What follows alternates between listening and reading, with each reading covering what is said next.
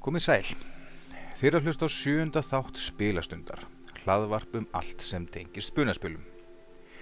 Ég heiti Þorsteinn Marr og hef verið viðlóðin spunaspil frá því áður en Askur Yggdrasils var gefin út. Ég spila að jafnaði þrísvar til fjóru sinum í hverju viku en spunaspil er í dag hluti af starfi mínu sem er afskaplega gefandi. Í þetta sinn langar mig að fjallum hlutverk stjórnanda og sögumanns, bæði hvað þeir sem eru að setjast hinum megin við stjórnandaskjáin þurfa að hafa í huga, sem og hvað ég hef lært af því að fylgjast með og spila hjá mörgum færustu stjórnandum herlendis. En áður en lengra er haldið vil ég þó byggjast afsökunar. Ég hafði upphæflega ætlað mér að fjalla um hlutverk stjórnanda í einum þætti en þegar ég byrjaði að undirbúa þáttinn sá ég fljótlega að ég myndi fara langt fram á þeim tíma sem ég ætla venjulega í hvert þátt. Ég er því hrættur um að ég þurfa að skipta þessu efni upp í fleirin eitt þátt en vona að það komi ekki að sög. Eins og ég hef komið inn á í fyrir þáttum þá hefur orðið gríðar mikil aukning í hópi leikmanna á undarförnum árum. Eflaust maður gera ráð fyrir að svo aukning komi til með að halda áfram enda bendi fátt til annars en sínileiki spunaspila sé ennað aukast og þörfin á sögumönnum og stjórnundum rís samhliða þessari aukningu. Mér heyrist á þeim sem gefa sig útverð að selja þjónustur sína sem stjórnundur að þeir hafi nóg að gera, jafnvel um of, og sjáu ekki fram á að það breytist á næstunni. Því er ekki úr vegi að skoða vandlega hvernig ungir eða nýjir leikmenn geti tekist á við hlutverk sögumanns eða stjórnanda. Því er ólíkt farið millir spunaspila hvað þetta hlutverk er kallað. Í Dregum og Díflissum er jafnan talað um Dungeon Master eða DM, en í mörgum öðrum spilum er ímist notuð hugtökin Game Master, Storyteller, Arbiter og svo mætti lengi telja. Í eina íslenska spunaspilinu, Aski Yggdrasils, er notað hugtækið spunameistari. En hér í þessum þætti verður notað hugtækið stjórnandi, sem er ágætlega lýsandi fyrir hlutverkið. Hlutverk stjórnanda getur verið bísna flókið. Í stuttu máli þá er það hans að vera sögumadur og dómari í senn. Hann þarf að tryggja að personur og leikmenn séu upplýstur um aðstæður og viðburði, leika aukapersonur, skrimsli og óvætti, en á sama tíma framfylgja reglum og skera úr um vafaatriði. Um leið og það getur verið ókveikjandi fyrir óreinda leikmenn að taka að sér að vera stjórnendur, hafa flestir stjórnendur sem ég hef rætt við sagt að þetta sé enga síður afskaplega skemmtilegt og gefandi hlutverk og veitir allt aðra sín á spunaspil, frásagnir og reglur. Ég viðurkenni fúslega að þegar ég tók fyrst að mér að vera stjórnandi var ég afskaplega stressaður. Ég hafði ekki spilað lengi, valla lengur en ár, en allir leikmennir hjá mér höfðu spilað miklu lengur. Jólinn það árið fekk ég aski jólagjöf og fljótlega eftir áramótin ákvaði ég að stýra ævintýrinu heljarnið. Við útbyggum personur og allt var klárt. Í hönd fór líklega einhver alversta spilastund Íslandsögunar. Allt sem gat klikkað fór úrskeiðis og ég var svo stressaður að ég hreinlega átti í vandrað með að lesa úr einföldustu reglum og jafnvel á teiningana. Ég reyndi hvað ég gat til að láta á engu bera, fletti þó fram og aftur í bók spunameistrans, reyndi að ná utanum það sem var vissum að ég ætti að vita og hefði vitað fyrir spilastundina. Ég svitnaði, stamaði, reyndi að herma eftir þeim stjórnundum sem ég hefði þegar spilað hjá en allt kom fyrir ekki, ekkert gekk upp og allt var, að mér fannst, í handaskólum og tómu tjóni. Eftir spilastundina stóðu allir upp frá borðinu, þökkuð fyrir sig, leta á engu bera og vildu endilega spila meira vaski. Eftir satt ég og reyndan á áttum. Þess ber að geta að þetta var lungu fyrir tíma YouTube, blogga, hlaðvarpa og annara hjálpatækja hvar ungir og óreindir leikmenn geta fundið ara grúa af hverskins ráðum og tillögum frá framhúsgarandi stjórnendum og spunaspilurum. Ég ákvað þetta kvöld hins vegar að ég vildi verða betri. Þrátt fyrir allt sem fór úrskeiðis, allt sem fjall milli báts og bryggju, allar reglurnar sem gleymdust, fannst mér þetta spennandi, gefandi og skemmtilegt hlutverk. Að fylgjast með leikmönnum rembast við að ráða gátur, leysa þrautir, setja sér sameileg markmið og ná þeim. Mér fannst ég ekki síður eiga þátt í sigrum þeirra en þeir sjálfur. Jafnvel þó ég sæti hínum megin við borðið og leki meðal annars hlutverk anstæðinga þeirra. Littlu meira en 30 ár hafa liðið frá þessari fyrstu spilastund minni sem stjórnandi. Mér finnst ég enn vera að læra og það er fátt sem mér þykir skemmtilegra en að ræða við aðra stjórnendur, bæði reynda og óreinda, um stjórnun spunaspila. Það er kannski óhjákvæmilegt að maður læri svona eitt og annað á þetta löngum tíma og það er gaman að geta miðlarýtli þeirra sem er að byrja og skeggræða stjórnun við þá sem reyndar er. Þegar nýji stjórnendur koma til mín og leita ráða um eitt og annað sem snýra spunaspilum legg ég alltaf áherslu á tvö atriði. Hvort tvekja nokkuð sem ég vildi óska að einhver hefði sagt við mig áður en ég stýrði í fyrsta sinn. Í fyrsta lagi. Mundu að hafa gaman. Spunaspil eru félagsleg aðtöfn sem hefur það að megin markmiði að vera skemmtileg fyrir alla. Um leiðu það getur verið stressandi og jafnvel kvíðu aukandi að taka sér að vera stjórnandi þá er það líka skemmtilegt og spennandi.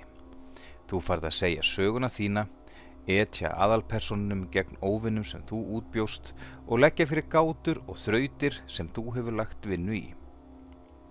Það er því mikilvægt og jafnvel mikilvægast að regla allra spunaspila að þú hafir gaman af sögunni, gaman af spilastundinni og skemmti þér með leikmannum.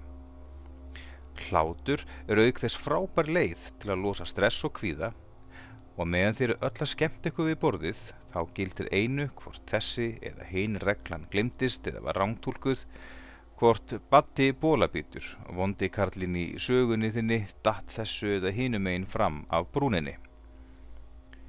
Á meðan allir skemmta sér eru markvallt meiri líkur á að allir upplifi spilastundna á jákvæðan og uppbyggjandi hátt og ef þér tekst það þá ertu strax komin í hóp bestu stjórnenda í heimi. Þó vil ég taka fram að sem stjórnandi berðu ekki ábyrð á því að allir skemmti sér, heldur er það samílegt markmið allra við borðið. Þú berð fyrst og fremst ábyrð á því að þú skemmti þér og að spila stundin sé öllum jákvæð upplifun.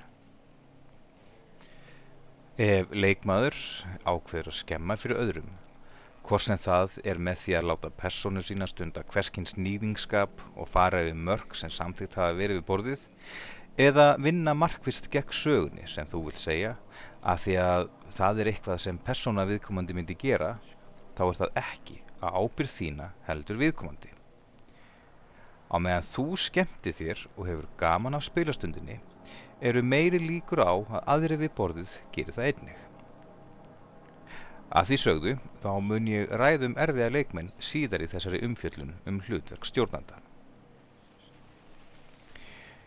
Í öðru lagi, leifðu þér að vera lélugu stjórnandi. Helgi Már, sem í dag starfar meðal annars sem atvinnu stjórnandi og selur þjónustu sína við að stjórna spunaspilum, hefur bæði ræði og ríti sagt að hann hafi haft þrjá áratugi til að vera lélugur, prófa sig áfram og gera mistök. Þegar ég stjórnaði fyrst, ótaðist ég umfram allt að vera lélugur. Að standast ekki samaburð við þá sem hefðu stjórnað í hóknum mínum, Kristinn Örn, eða Krista Zombimaster eins og við köllum að þá, og Arnar Óskar sem hvortveggja voru frábæri stjórnendur. Vissulega stóðst ég engan samanbyrði þá, enda höfðu þeir stjórna lengur en ég hafi spilað. En væntingar mínar voru miðar að þeim og þeirra hæfni sem þeir höfðu þegar aflað sér, einmitt með því að vera lélegir, prófa sig áfram og gera mistök.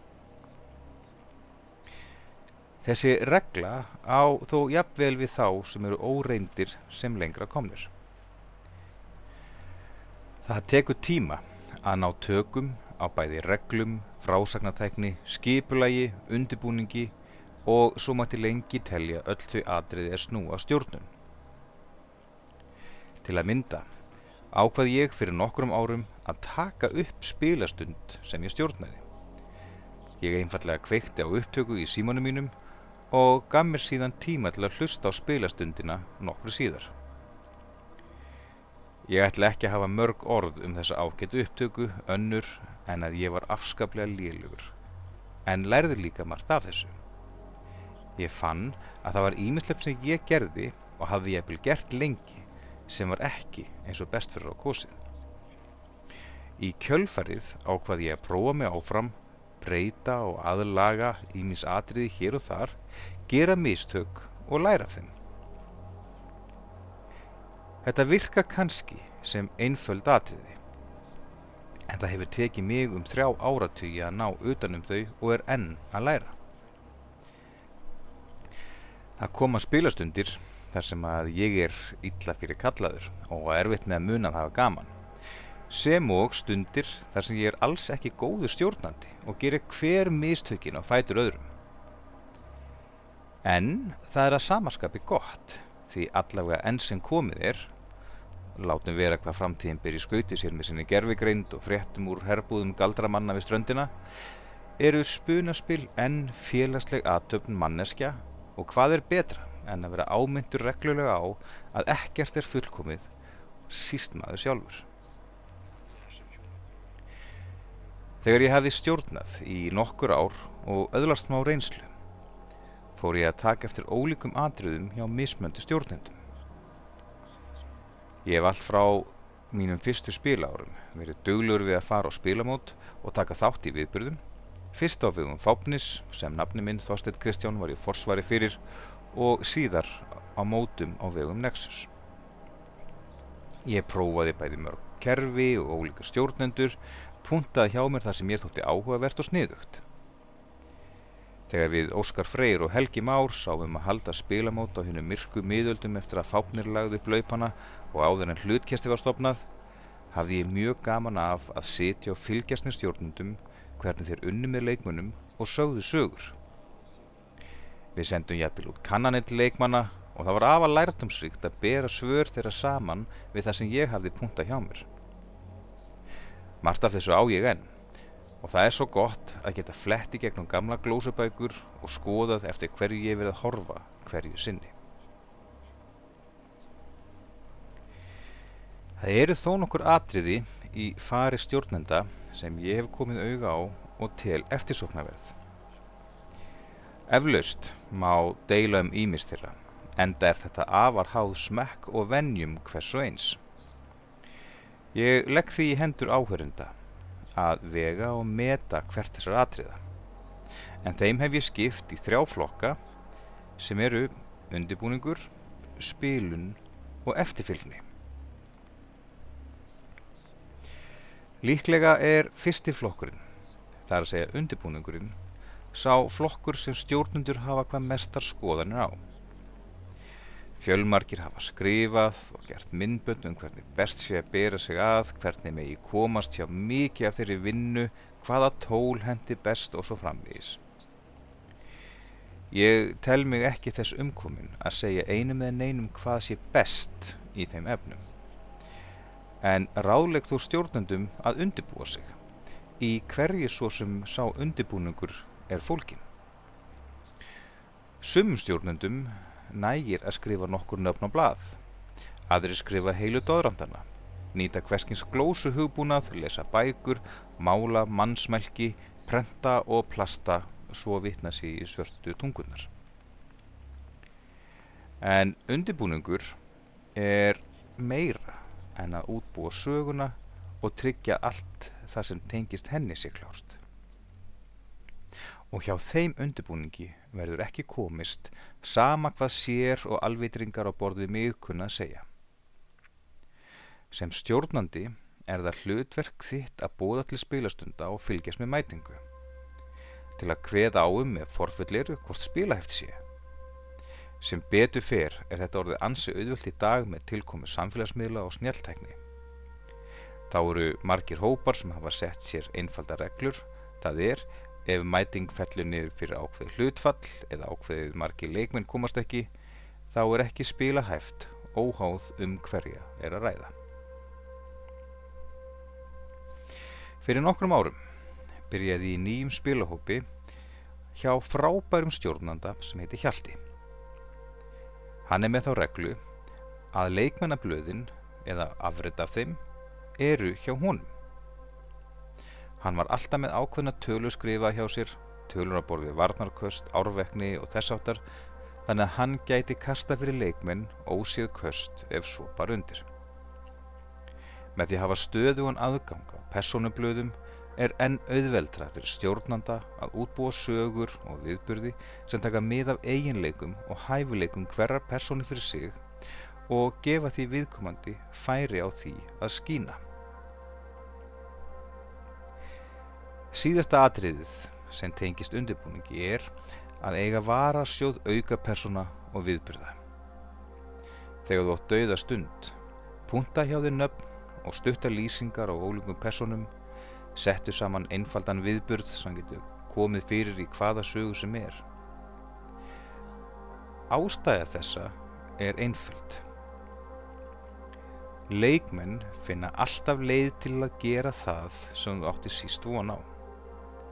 Og þá er afskaplega þægilegt að geta dreyið fram aukapersonu eða viðburð rétt á meðan þú veldir fyrir þér hvernig best sé að bregðast við fyrirætlunum leikmanna. Ef leikmenn mínir vissu hversu oft ég geri þetta, hægi á frásögnu með því að leggja þrándi götu fyrir þá sem nöðsynlega þarf að spjalla við eða koma einhver áleiðis. Rétt á meðan ég brít heilan um hvernig ég get látið frásögn að taka mið af ákvörðun þeirra, þá er ég nokkuð vissum að þeir hætti að láta glepjast af þessum aukapersonum eða hliðaviðbyrðum. Þá erum við komin að næsta flokki, spiluninni. En hún er vissulega það sem spunaspil ganga út á. Að hittast og eiga góða og skemmtilega spilastund saman. Það þarf margt að ganga upp til að svo megi verða og líklega munum margir reyka upp stór augu eða eiru því ég ætla að staldra við og fjalla um aðeins fjögur þessar atriða í þessum þætti. Það atriði sem mest hefur fjallað um af þessum fjórum er að þú verður að þekkja leikmennina þína. Margir hópar samastand af leikmennum sem vilja helst prófa hæfni persóna sinna í bartögum. Aðrir hópar elska umfram allt að fá tækjafær til að gleima sér í spuna og leika persónu sínar af innileika. Það er lítið vandamál að mæta þörfum slíkra hópa. En raunin er svo að lang flestir hópar eru samasettir af ólíkum leikmannum. Sjálfur hef ég sem leikmaður mest gaman af samskiptum aðalpersona og fylgjast með hvernig þau þróast í gegnum spílanir en öðrum þykir það óþarfi og ég vil hæja á framvindu sögunar. Sem stjórnandi þá er það hlutverk þitt að finna jafnvægi milli þessara spilastíla og feta slóð í frásögninni hvar allir leikmenn fá tækifæri til að eldast við þann þátt spunaspila sem þeim líkar best. Hluti af því að þekkja hópsinn er einnig að átta sig á hvar mörg hvers og eins líkja. Sumi leikmenn eiga ekki í neinu vandræðum með hrylling eða ofbeldi, aðrir draga mörgin við ákveðnar tegundir ofbeldis eða ákveðnar tegundir orðræðu. Stjórnandi þarf að taka mið af þessu og gæta því að virða mörg leikmanna sinna og að þeir virði mörg hvers annars. Hann hefur til að mynda öllum stjórnundum á mótum á vegum hlutkerstis gert að merkja við hvaða atriði sögum þeirra kynnu að fara yfir ákviðin fyrirfram skilgrind mörg. Að samaskapi er líka gott að stjórnandi kynni vel fyrir leikmönnum sínum hvaða viðmið gildi þegar viðkomandi stjórnar.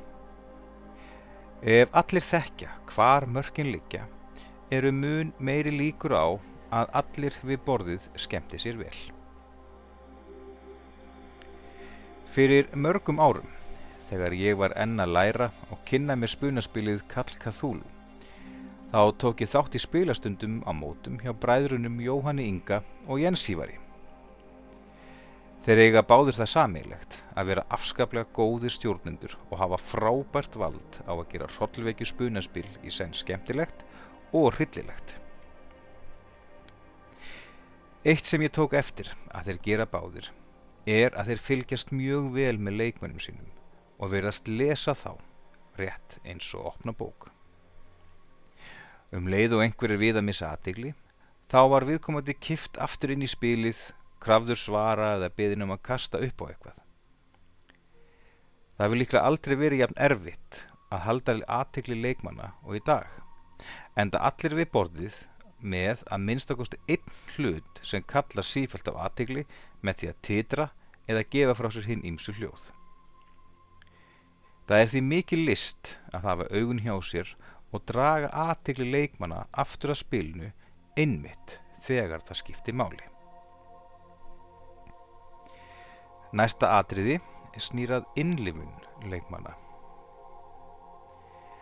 Við eigum misauðvelt með að sjá fyrir okkur því sem er líst fyrir okkur, setja okkur inn í ímyndaðar aðstæður eða skilja afstæðinni hluta í þrývíðu samhengi, svo greipi sér til fyrir mér háflegs orðalags.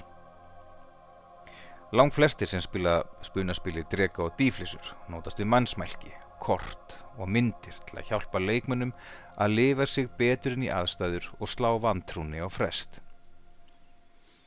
Í mörgum öðrum spunaspilum gera leikmenn ímislegt til að lifa sig betur inn í personu sínar, til að mynda hafa margir leikmenn í Kall Cthulhu gaman af því að klæða sig upp í anda personu á þriði áratug 20. aldar. Þetta er þó vand með farið og hendar ekki öllum. Sem stjórnandi getur þú ítt undir bætta innlifun með því til dæmis að nota ólíka rattir eða vera með ákveðna en einfalda leikarna tilburði til að mynda gæti ein auka persóna blikkað augum ótt og títt en önnur verið með krefta hönd. Þá hjálpa útendur hvers konar og hjálpaköfn. Fyrir mörgum árum spilaði ég með ungri konu, Margreði, frábærum stjórnanda en hún lagði mikla rækt við að útendur hennar væri algjörlega framúr skarandi.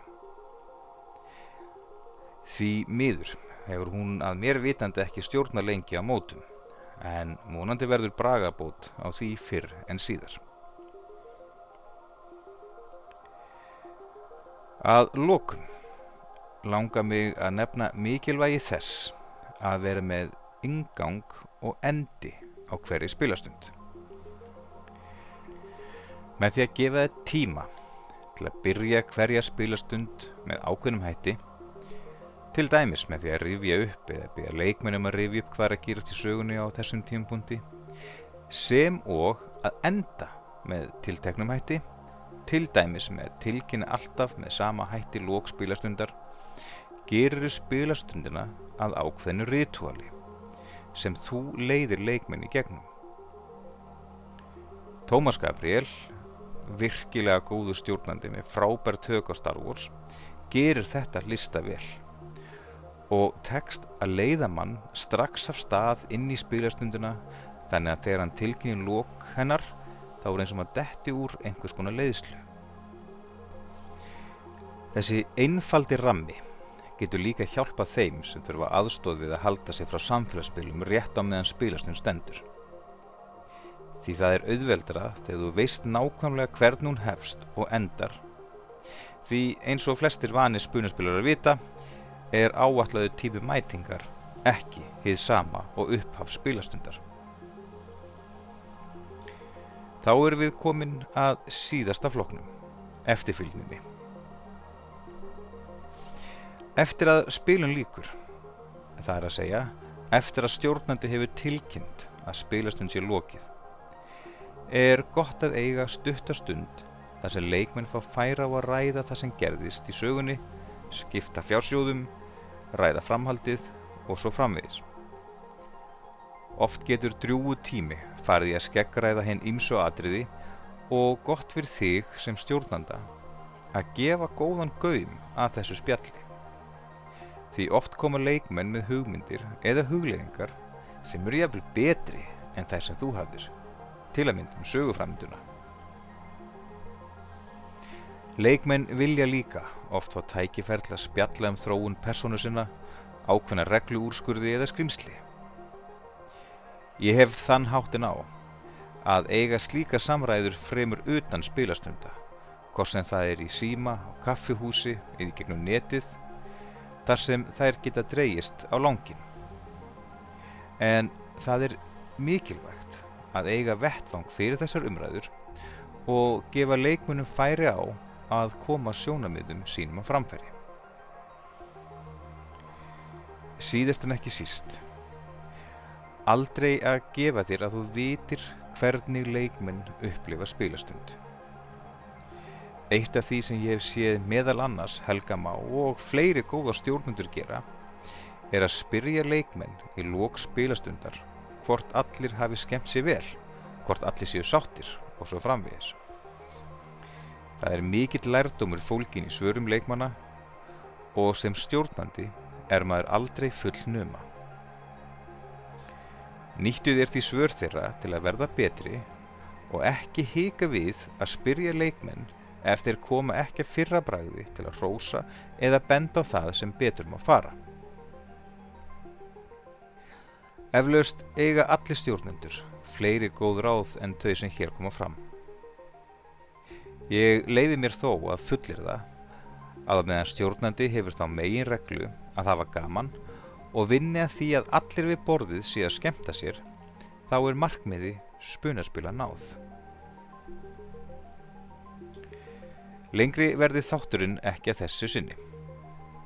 Bakgrunnstónlist gerði Cryochamber en finna má hlekki lýsingu þáttarins og segja má að tónlist Cryochamber hendi sérstaklega vel til hverskins spunaspila. Í næsta þætti mun ég halda áfram að fjallum stjórnendur og skoða nána frásagnartækni sem og hvernig hægt sé að eiga við erfiða leikmenn. Takk fyrir að hlusta.